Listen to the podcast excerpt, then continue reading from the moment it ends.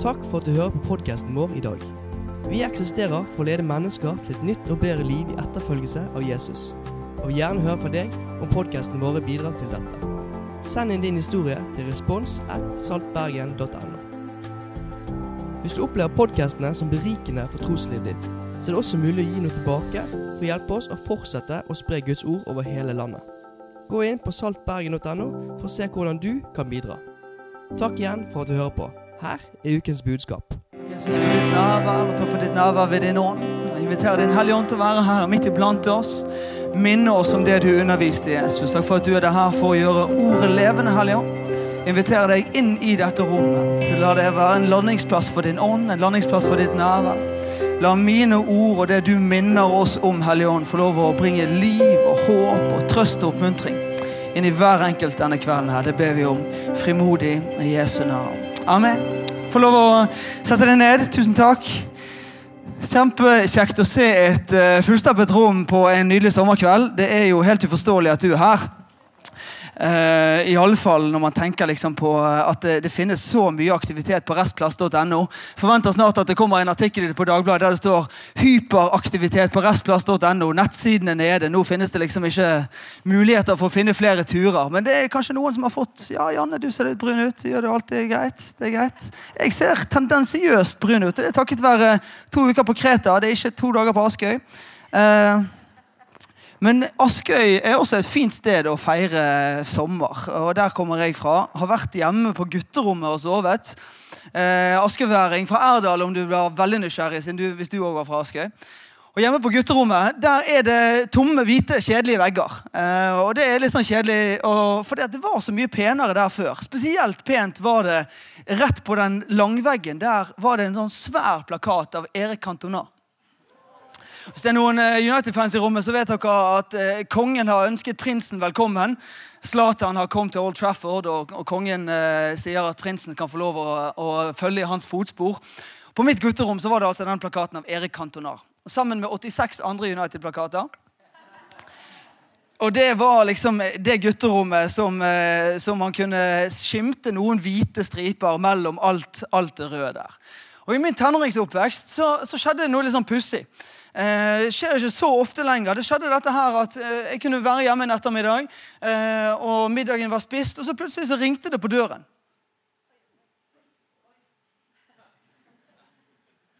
Uten at noen avtale var blitt lagd, uten at noen plan var nedtegnet, så ringte det på døren.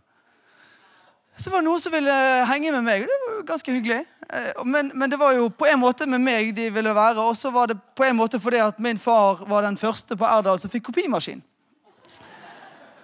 Så det var en ganske kjent og kjær eh, aktivitet. Vi la ansiktet og hånden og sånn på kopimaskinen. Og så skjønte vi ingenting når det var tom for blekk så fort. Pappa lurte på hvorfor denne patronen måtte skiftes ut så stadig ofte. Meg og min bror visste ingenting om hvorfor disse tingene foregikk. Tenåringstiden er liksom en periode av livet der det, vi preges av dette. her. Det er spontant, det er impulsivt, det er ting som skjer plutselig uten, uten forvarsel. Livet liksom leves på den måten. Og Så blir man litt eldre, eh, og så kanskje endres, endrer livet litt karakter. Ting blir litt mer planlagt. Man flytter hjemmefra, det er mer forventninger. Ting eh, må kanskje til og med skrives ned fordi det er så mange forventninger at man har en kalender. Det er forpliktelser, det er jobb, det er studier, steder man skal være. Og så blir livet ikke så plutselig lenger, men det blir liksom mer planlagt. Det er overgangen som er til voksenlivet. Og midt oppi alt dette her planlagte, midt oppi alt dette her som er tidsklemmen som man snakker om, iallfall tidsstyringen, så, så finnes det et oppdrag. Og du er jo en bærer av det oppdraget og et ønske som bor i deg, som følger Jesus, om å kunne få lov å gjøre han kjent i den hverdagen som du har foran deg. Men så er ikke det bare enkelt heller, for den hverdagen er ganske skvist. Den hverdagen kan være preget av ganske mye planer, og så blir det liksom vår instinktive respons at da må jeg lage en plan for det en plan for å være på oppdrag. Det kan jeg gjøre liksom onsdager mellom halv fem og halv åtte. Før jeg skal på smågruppe, så kan jeg få tid til det. og Så, så skvises liksom uke etter uke, og så blir den gode intensjonen aldri virkelighet. Eller iallfall sjelden virkelighet. Du kan låne litt av mitt følelsesliv, kan det være litt sånn noen ganger at det ønsket som fins om å være en som bringer gode nyheter til mennesker, lander i en fullstappet kalender og skyves på og skyves på og skyves på. Og så blir den gode intensjonen bare med det. Så jeg har lyst til å vende tilbake igjen til eh, tenåringstidens litt fascinerende dynamikk og dele noen tanker med deg i kveld om å leve mer fra det, fra det plutselige enn det planlagte leve litt mer fra det spontane enn bare det som du kan finne liksom, på din smartphone at skal skje i kalenderen. Og For å hjelpe oss i gang med det, så skal vi lese en historie fra Johannes kapittel 3. Gjerne finne fram Bibelen. Det er så fint med blafring hvis du har lyst til det. Johannes kapittel 3 og vers 1. Eh, og Så skal vi lese en historie om en kar som får lov å møte Jesus og ha en samtale med han. Der står det fra vers 1 og utover.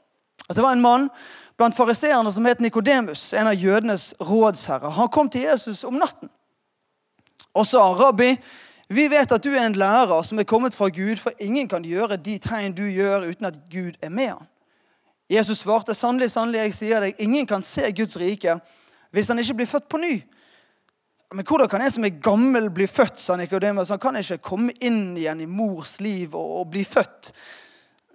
Point made. Ja, det er sant. Jesus svarte nei, jeg snakker, sier at den som ikke blir født av vann og av ånd, kan ikke komme inn i Guds rike. Det som er født av kjøtt, er kjøtt, og det som er født av ånd, er ånd. Så finnes det sikkert en time med bibelundervisning om dybden i hva det betyr å bli født på ny. Men vi skal finne et annet nøkkelord i denne teksten. I vers 1 så står dette. Nei, i vers 2 så står det Nikodemus kom til Jesus om natten. Ikke om dagen.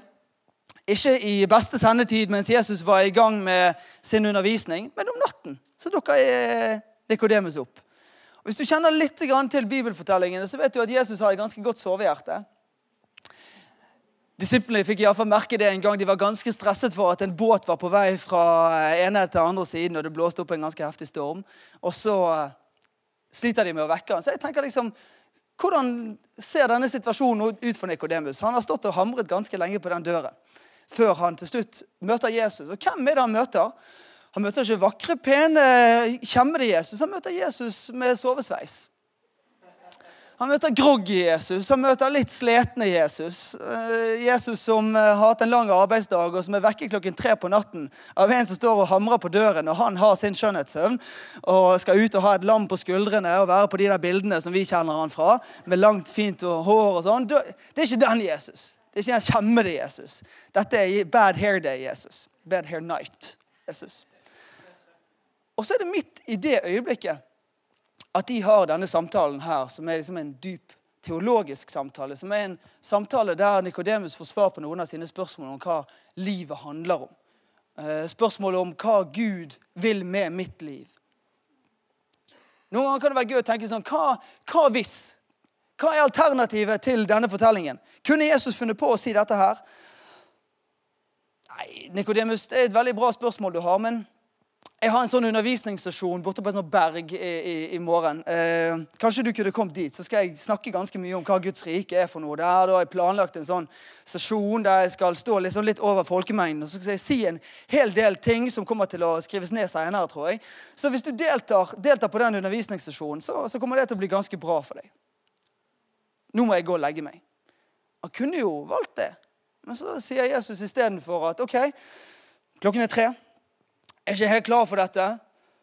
Jeg er ikke helt forberedt på at det var noen som skulle vekke meg midt på natten og ha en samtale om tro. Men ok, her er vi. Så inviterer han han inn, så setter de seg ned og så har de en prat midt på natten. Jeg vet ikke om du har blitt eh, overrasket på en samme måte noen gang. En kollega som plutselig fant ut at nå var tidspunktet der for å stille spørsmålet. Den lunsjsamtalen der plutselig var samtalen om tro. Det som skulle skje i lunsjen. Ikke om Zlatan. Eh, ikke om eh, liksom, hva som har skjedd i uken som var. Ikke hva som har skjedd til helgen. Plutselig var det tro som landet på bordet. Eller på julebordet, den beryktede arenaen seint på kvelden, og påvirkningen er til stede. Så lander samtalen om tro midt der i fanget på deg. Og kanskje det lander i for, Du har forberedt deg på det, men kanskje det også lander som det ofte gjør, i den der litt sånn Wow, der kom det. Det kom litt bardus på. Det var ikke jeg eh, Det ble litt tatt på sengen av at det var nå midt på denne turen her på fjellet eller i denne lønnssamtalen eller på dette julebordet at der lander samtalen om tro midt i fanget på meg. Så jeg har lyst til å snakke med deg i ettermiddag om uh, å planlegge for det uplanlagte. Hvordan kan meg og deg tenke at Jesus blir en inspirasjon for oss gjennom denne her litt sånn kuriøse vinkelen på Johannes 3-teksten? Jesus som ikke avviser Nikodemus midt på natten og tenker du får komme igjen seinere når jeg har forberedt meg, men som sier ok, hvis du er klar nå, så er jeg klar nå. Og så tenker jeg på mitt og ditt liv. Med de menneskene som uh, ser til deg og tenker at han, når anledningen byr seg, så vil jeg ha en samtale med tro om, med henne, med han. Så er det kanskje ikke det tidspunktet du tenker er riktig, men det er det tidspunktet de tenker er riktig. Det er det tidspunktet de har bestemt seg for å manne seg opp og si at OK, koste hva det koste vil, nå kaster jeg ut temaet, og så er det litt ukomfortabelt. Men de satser. De satser og våger å si at tro er noe jeg er nysgjerrig på. Jeg jeg er en av de. Kan du fortelle meg hva Jesus betyr for deg? Eller kanskje det kommer i en litt krassere forstand. Det kan jo være så mangt, men tro lander på bordet. Og Da tenker jeg om meg og deg. Våre liv som Jesu-etterfølgere. At vi kan være planlegge for det uplanlagte også. Vi er veldig gode på å planlegge det som er planlagt. Og så er vi klar for det som vi vet kommer. Rasende gode på å ha en plan for det vi ser er på vei. Men hva med det som plutselig kommer vår vei? Er det noen andres ansvar, eller lander det i vår ansvarlighet? Lander det i vår mulighet som disipler til å kunne være planlagt og klare for det som er uplanlagt også? Fire tanker da, om hvordan vi kan planlegge for det uplanlagte. Trosforsvar. 1. Peter 3,15 sier dette her. Vær alltid rede. Vær alltid klare når noen krever dere til regnskap for det håp som dere eier. Vær alltid klare når noen krever dere til regnskap for det håp som dere eier. Har du opplevd den situasjonen noen gang? Du ble ikke bare spurt om en mening eller spurt om å fortelle en fin historie, men du ble krevd til regnskap. Det spørsmålet kan ha vært av etisk karakter, kanskje det var av historisk karakter, noe som har hendt langt før din levetid, men som plutselig lander på ditt bord. At du skal mene noe om eller forklare noe om. Eller av naturvitenskapelig art. Det kan være mange ulike kategorier, men plutselig så står du der og så er du krevd til regnskap for det håp som du eier. Det finnes utrolig mange snublesteiner for evangeliet. Hvert menneske har sin historie, hvert menneske har sine utfordringer. Jeg spør, hvem er det sitt ansvar? Hvem ligger utfordringer på å kunne fjerne noen av de hindringene for evangeliet som finnes i menneskers liv? Er det de sjøl?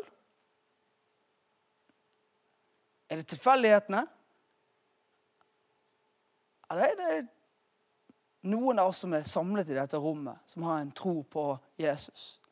Johannes døperen han sier om seg sjøl dette er hans identitet når han tenker om hva hans oppgave er.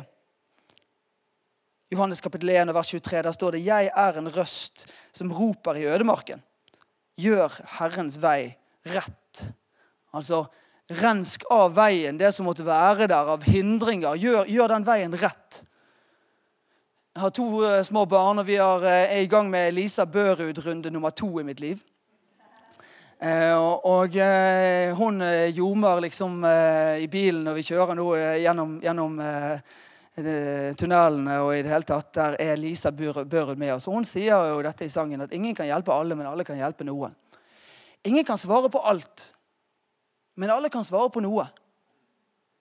Jeg sier ikke til deg at det er ditt ansvar eller mitt ansvar å kunne være det store norske leksikonet for hvordan man besvarer alle mulige spørsmål. Det, er det er en svær utfordring. Ingen kan svare på alt, men alle kan svare på noe. Og Hva er det Peter prøver å si til de som følger Jesus i den regionen han sender brev til menigheten? Han sier vær klare, forbered dere. Har gjort dere noen tanker på forhånd. Når noen krever dere til regnskap for det håp som dere eier, så stiller dere ikke blankt. Men det finnes en tanke, det finnes en prosess, det finnes et arbeid som ligger bak, der dere har gjort noen tanker opp før situasjonen oppstår. Jeg vet ikke hvilken hvilke bok du har hatt med deg gjennom denne sommeren. her, og Det er fortsatt eh, veldig veldig gode muligheter for å gjøre dette til en boksommer. 'Tactics' av eh, Greg Cokel. Veldig interessant bok. 'Tactics' av Greg K-O-U-K-L.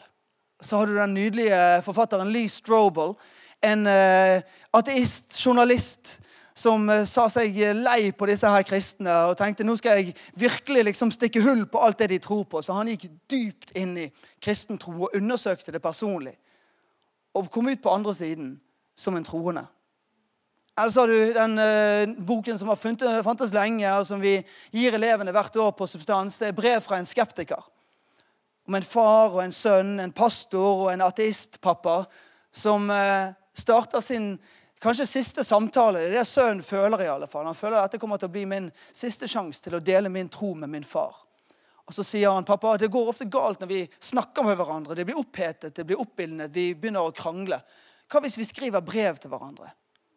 Spør meg om hva som helst.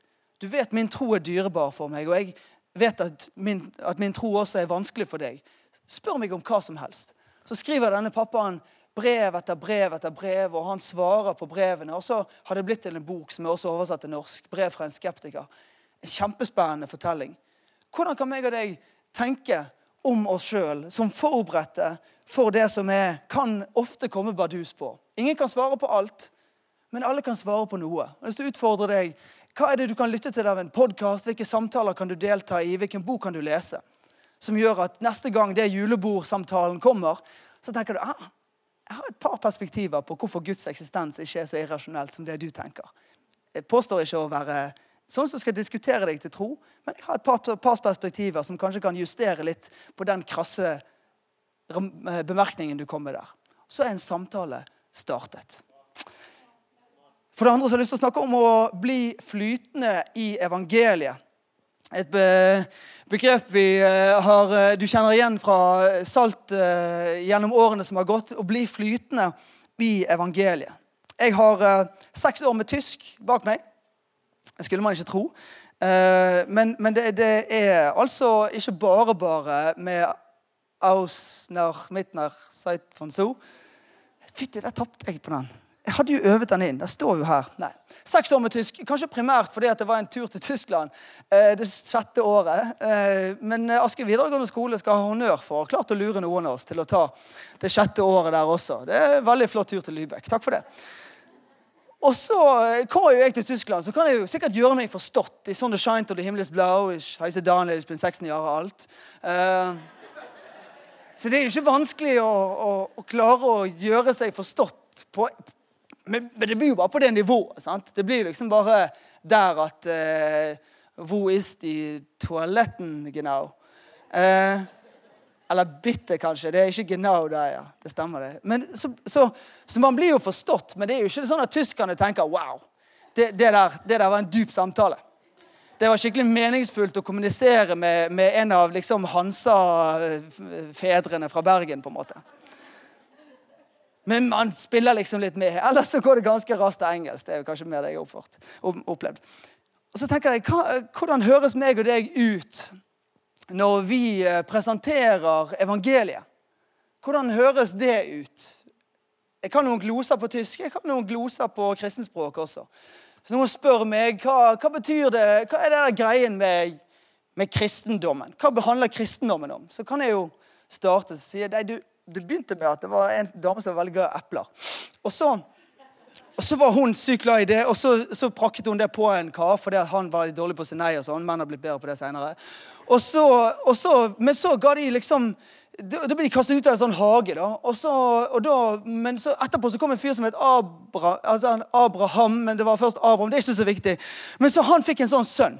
Og den sønnen den, det ledet inn i et sånt land, og det var Israel. Men det er, så, det er jo på en måte forhistorien. Det er Det gamle testamentet. Så kommer vi til Det nye testamentet, for der blir Jesus født. Og han vet du, han lever et, et veldig bra liv. Han er snekker forresten og holder på med sånne greier. Men så dør han et, en død, og når han dør, så er det en sånn duk som revner. Og den er veldig tjukk. den duken. Den er ganske tjukk kanskje så tjukk, og den revner fra øverst til nederst. vet du, Og da er jo vi rettferdiggjort, og det har vært sånn forsoning, og det er noen lam i Gammeltestamentet, og det har vi smurte de på sånne størstolper og opp og ned. og så, Men det trenger ikke vi gjøre lenger, for Jesus han ble det lammet. liksom, da så Han Abraham, eller kanskje det var noen andre, var Moses, det er kanskje det er ikke så viktig. Så, så ble det en sånn Så det kan vi tro på, da. Har du lyst til å tro på det? Ja! Genau. Og så kan det der med å presentere hva evangeliet er for noe, bli Det, det blir iallfall nyheter. Jeg vet ikke om det blir forståelige nyheter, men det blir noe nytt på et eller et eller annet vis. Jeg kan gjøre meg forstått på tysk. Jeg utfordres av om jeg klarer å gjøre meg forstått med evangeliet. Jeg utfordres av det. Jeg har hatt privilegiet å vokse opp i en kristen familie. Privilegiet av å tilhøre et, eh, en menighetssetting gjennom alle år av mitt liv. Men jeg vet at det også er på en måte en utfordring for meg. For det er så mange ganger at vi kan eh, høres litt spesielle ut. Høres litt egne ut. Noen ganger så spør venner meg sånn, hva betyr det Og så skjønner jeg at jeg har brukt noen ord og noen fraser og et språk som ikke nødvendigvis var så lett for de å skjønne. Hvordan høres gode nyheter ut for mennesker som ikke har hørt evangeliet før? Kanskje det til og med krever av meg og deg å kunne sette av litt tid. Sette av litt tid for oss sjøl og forberede eller å tenke gjennom, lese evangeliene på nytt. Og så si hva, hvordan, hvordan høres dette ut for mennesker som ikke har den bakgrunnen som jeg har, men som skal høre dette på en ny måte? Kanskje til og med for aller første gang i et land som eh, i mindre og mindre grad er preget av en kristen kultur. Hvordan høres det ut for aller første gang? Jeg har lyst til å utfordre deg på å finne noe tid. Finn et år på bibelskole om du vil. Det er ledige plasser til høsten. Finn noe tid i din hverdag. Og så setter du deg ned med evangeliet, med Den hellige ånd i rommet, og så skriver du ned på forhånd. Hvordan er evangeliet hvis jeg skulle få ha en samtale med han på jobben min eller med hun på det julebordet, og de helt hypotetisk sett skulle finne på å liksom si kristendommen, hva, pss, hva handler det om? Ja. Og så finnes det en par minutter med en forståelig fortelling som setter ord på hva essensen av verdens beste budskap er for noe. For det tredje del din fortelling. Jeg har så tro på det. Jeg har så tro på å høre din fortelling. Min erfaring at Den fortellingen som påstår seg å være sant for alle mennesker til alle tider, den er, den er kanskje litt tøff å svelge den kommer det automatisk kanskje litt sånn motstand til. At noe kan være sant for, for alle. Kanskje litt voldsomt. Men å høre hva som er verdifullt, hva som er viktig for, for meg i en samtale mellom to mennesker, det er interessant.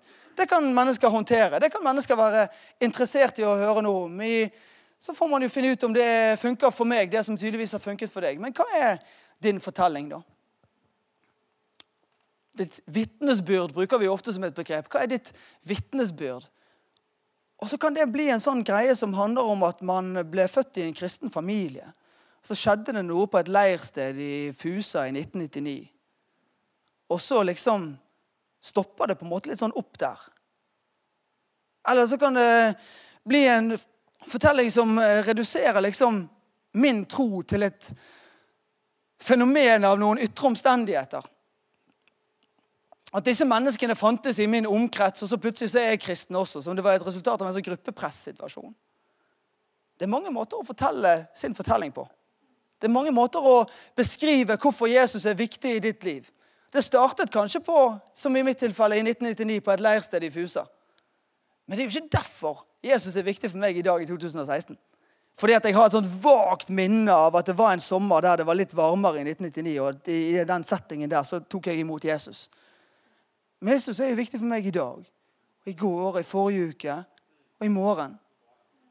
Hva betyr det for deg å sette ord på din fortelling? Hvis du skal våge deg på å ikke starte på det som jeg opplever ofte er en sånn vant startpunkt for mange kristne. Jeg er født i en kristen familie. Ja, det er ikke jeg, tenker den som andre som hører. Ok, Da er vi forskjellige. Da er du en av de, og så er jeg ikke en av de. Og Med en gang så er det et skille i samtalen. Fordi at du har puttet din tro inn i konteksten av at du var født inn i det. De er ikke født inn i en kristen familie. Og så boom, så er samtalen delt.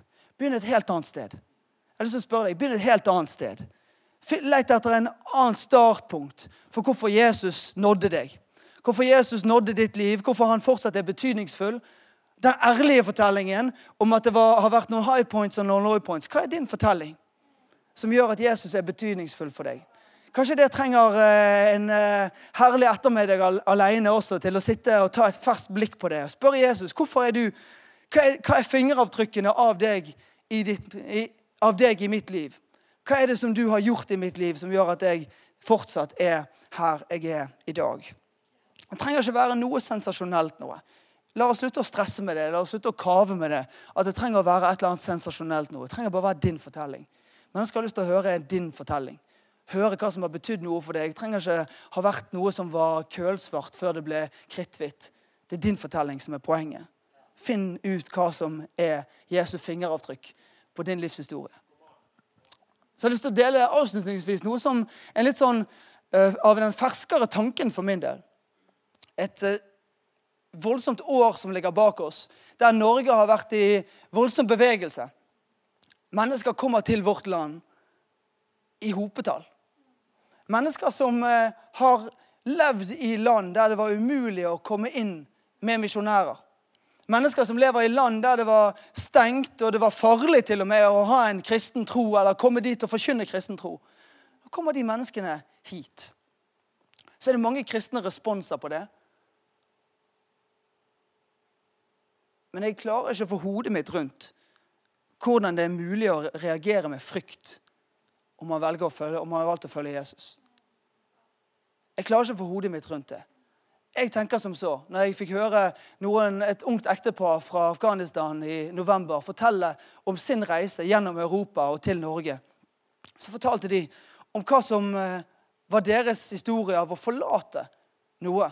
De kom ikke hit til dette landet med en agenda eller en eh, plan om å påvirke. De kom fordi de hadde lagt bak seg noe de var lei av, noe som hadde ødelagt deres fortid, som de ville starte på nytt når de kom til dette landet her.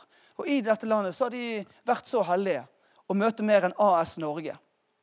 De har vært så heldige å møte mer enn bare våre ordninger og våre systemer og våre planer. Takk for det. Men de hadde også fått lov å møte noen kristne mennesker. Noen mennesker som hadde vært så uortodokse at de hadde invitert dem inn i sitt liv. Inn i sitt hjem og delt sin hverdag sammen med dem. Og så var det en lang historie kort, så bestemte de seg for at den Gud dere tror på, det gir mening for oss. Vi ønsker å tro på han også. I Salt og i menigheter i byen så møter jeg ofte. Senest for et par uker siden møtte jeg Reza borte på Riks. Han har vært en del av Salt her bare et par måneder etter det jeg forstår. Og han har strukket hånden i været en søndag og sagt dette gir mening for meg. Dette jeg ønsker å tro på. Og Kanskje du har møtt noen av de menneskene. Så jeg lyst til å spørre deg, Hvordan høres gode nyheter ut for mennesker som kommer fra en sånn bakgrunn? skal ikke jeg kategorisere for heftig og si at det, liksom, det, det er noe helt annet. men men jeg vil spørre spørsmålet hva finnes det av muligheter til å si at evangeliet er for alle mennesker? Og til og med noen av de menneskene som før har vært avskjært fra muligheten til å høre om det, kommer nå hit. Og hva møter de? De møter en mulighetstenkende kirke. De møter ikke et fryktfolk. De møter ikke en folk som er redde for at landet kommer til å bli preget for det negative. Jeg har lyst til å utfordre meg sjøl og deg på å tenke at dette er Guds finger i det at noen mennesker skal få lov å høre et budskap som kanskje aldri hadde nådd dem. Hadde det ikke vært for at disse tingene hadde skjedd. Det er fascinerende med bibelvers som Roman 8,28 om at alle ting samvirker til det gode. Og Jeg skal ikke si for mye liksom, som uh, går inn i det feltet der, annet enn jeg har lyst til å gi deg en utfordring til deg. Om å spørre deg sjøl hvordan ville jeg hatt en sånn samtale med et menneske som hadde en bakgrunn av, uh, fra en muslimsk bakgrunn. Hvordan hadde gode nyheter hørtes ut da? Jeg var inne i, eh, i dag på Amazon.com og så skrev jeg 'Gospel for Muslims'.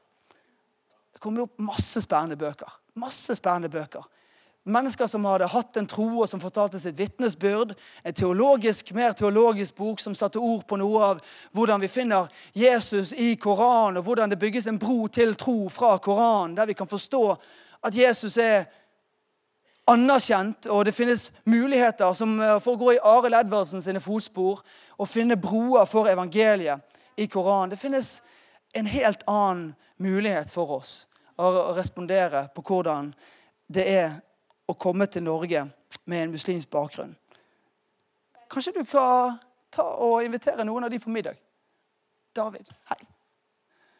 Invitere noen av de menneskene som du ser i din kirke, eller du ser i Salt hvis dette er din kirke, spørre kan jeg, bare, kan jeg få lov å høre hvordan Jesus ble, ble gode nyheter for deg? Fortell meg. Jeg, jeg, har, jeg, har, min bakgrunn, du har din historie. Kan jeg få høre? Og så blir det til mat, og det blir til inspirasjon, og det blir nyttig for deg, for den naboen som flytter inn i oppgangen din. For den kollegaen som har en annen bakgrunn enn deg. For den, det du engasjerer deg i diakonalt, som gjør at du får noen møtepunkter med mennesker som har en helt annen fortelling. Hvordan ser gode nyheter ut for de menneskene? Jeg skal gå inn for landing med å eh, lese fra Johannes 19 om denne Nikodemus. Denne Nikodemus Vær så god, Henrike. Som uh, var der om natten. For det var det han tørde. Han hadde ikke guts til å stå der i folkemengden foran 5000 og midt i bergpreken du sier du, dette med å bli født på ny, hvordan, uh, hvordan henger det sammen? Fordi at han, han, var en jødisk råd lærd. Han hadde ikke mulighet til å tape ansikt foran alle sine venner med å si det ut på den måten der. Men han hadde en nysgjerrighet. Han hadde en kime til tro. Han hadde et ønske om å ha en samtale for å undersøke litt dypere. Så han kom til Jesus om natten. Han kom til Jesus når uh, ingen andre så det. Men så møter vi han igjen i uh, kapittel 19. Der står det at Josef fra Arimathea ba Pilatus om tillatelse til å ta ned Jesus sin kropp fra korset. altså. Josef var disippel av Jesus, men i hemmelighet fordi han var redd for jødene. Pilatus ga han lov, og han kom og tok kroppen ned. Også Nikodemus var der. Han som kom til Jesus første gang om natten. Også Nikodemus var der. Han som kom til Jesus første gang om natten. Han hadde med seg en blanding av myrra og aloe, omkring 100 pund, og de tok Jesu kropp. Svøpte han i linklær med en velluktende salve, en slik skikken her. Og Der hvor Jesus var blitt korsfestet, var det en hage, og i hagen en ny grav som ingen ennå ville blitt lagt i. Så tenker jeg den, den nysgjerrige Nikodemus har blitt den troende Nikodemus. Fortsatt litt under radaren, fortsatt litt i hemmelighet, men det er noe som har skjedd her inne. Fra den samtalen om natten der Jesus sier OK, hvis du er klar nå, så er jeg klar nå, Nikodemus. Det handler ikke om min timing, det handler ikke om min forberedthet. Det handler om ditt hjertes lengsel etter å lære sannheten å kjenne. La oss sitte oss ned. Så prater de, og så går historien gjennom uh, Johannes evangelium, og så finner vi Nikodemus igjen. Han var der. Han som kom til Jesus første gang om natten. Jeg drømmer om det for våre liv. At vi kan bli sånne som lever ikke bare i det planlagte, ikke bare i det kalkulerte, ikke bare i det forberedte, men også i det uplanlagte, i det plutselige. Men ikke på en måte som gjør at du blir tatt på sengen, at du føler deg arrestert i øyeblikket, at ting kommer bardus på, men fordi at de uplanlagte øyeblikk, øyeblikkene har du planlagt noe for. Det finnes det noen refleksjoner rundt tro, tro som kan være til forsvar for tro. Det finnes en mulighet til å sette ord på hva evangeliet er for noe. Hva er gode nyheter for mennesker i 2016? Hva er gode nyheter for dine venner? Hva er din fortelling? Det finnes kanskje til og med en spennende samtale fra noen, med noen fra en helt annen bakgrunn enn den.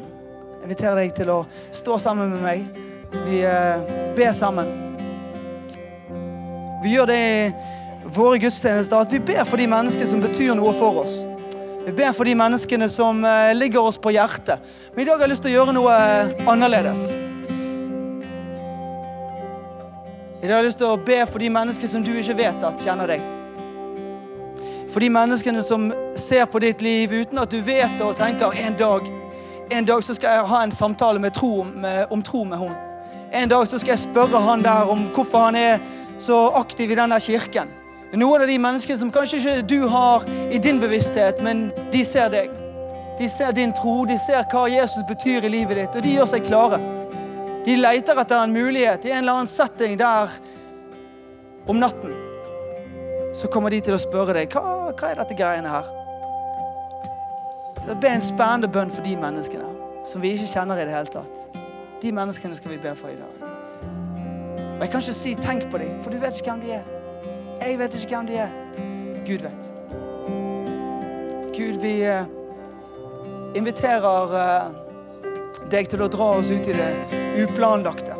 Du ser våre liv leves i det som vi kan forutse, det som vi kan planlegge, det som vi har en eh, evne til å forutse. Vi vil be deg om å La oss få lov å slippe tak i noe av det, invitere inn det plutselige elementet i livet vårt. For alle de mennesker som eh, omgir oss i hverdagen, som du kjenner ved navn hver eneste en av dem. De menneskene som eh, har observert og fått øye på og har på en eller annen måte funnet ut at vi, vi kjenner deg. De tror på deg, Jesus. Jeg har lyst til å be deg for alle de menneskene om at du skal nå de med evangeliet også. Mm. Om det skulle være seg muligheter til å stille spørsmålet til oss, så ber jeg om at du skal gi dem frimodighet til det. Jeg ber deg for, for de menneskene, at de skal få frimodighet til å starte en samtale om tro. Takker deg, Hellige Ånd, for at før vi sier et ord, så arbeider du i kulisser, i det usynlige, bak alt det som vi ser og planlegger. Jeg har lyst til å be deg om å gi de frimodighet og nysgjerrighet. og Du som har lagt evigheten ned i alle menneskers hjerter. Takk for at du drar mennesker inn i meningsfulle samtaler. Og da ber jeg for oss, Jesus. Da ber jeg for mitt liv og for vårt liv at det skal finnes en evne til å være rede for de øyeblikkene. I Jesu navn så ber jeg om en uh, disippels uh, rede, evne til å være rede i de øyeblikkene. Så hver enkelt i dette rommet. Det finnes en hjelp av Din Hellige Ånd, og det finnes en kapasitet, og det finnes noen refleksjoner, og det finnes en tilstedeværelse av gode nyheter i vårt indre som kan prege den samtalen som finner sted. Jesu Kristi navn. Så leser jeg for deg et bibelvers fra Kolossene avslutningsvis. Der står det i uh, kapittel 4 vers 5 og 6. Gå fram med visdom blant dem som står utenfor, og bruk den dyrebare tiden godt. La alt dere sier, være vennlig. La det ha salt. La det ha kraft. Så dere vet hvordan dere skal svare hver enkelt. La det ha salt, og la det ha kraft. Spennende tid sommeren er. og Kanskje det er en uh, mulighetstid for deg. En mulighetstid til å lese noen bøker, sette seg ned noen timer. Få utnytte det som er av friere tid gjennom sommeren. Håper det er et oppmuntrende budskap til deg om å planlegge for det uplanlagte. Tusen takk.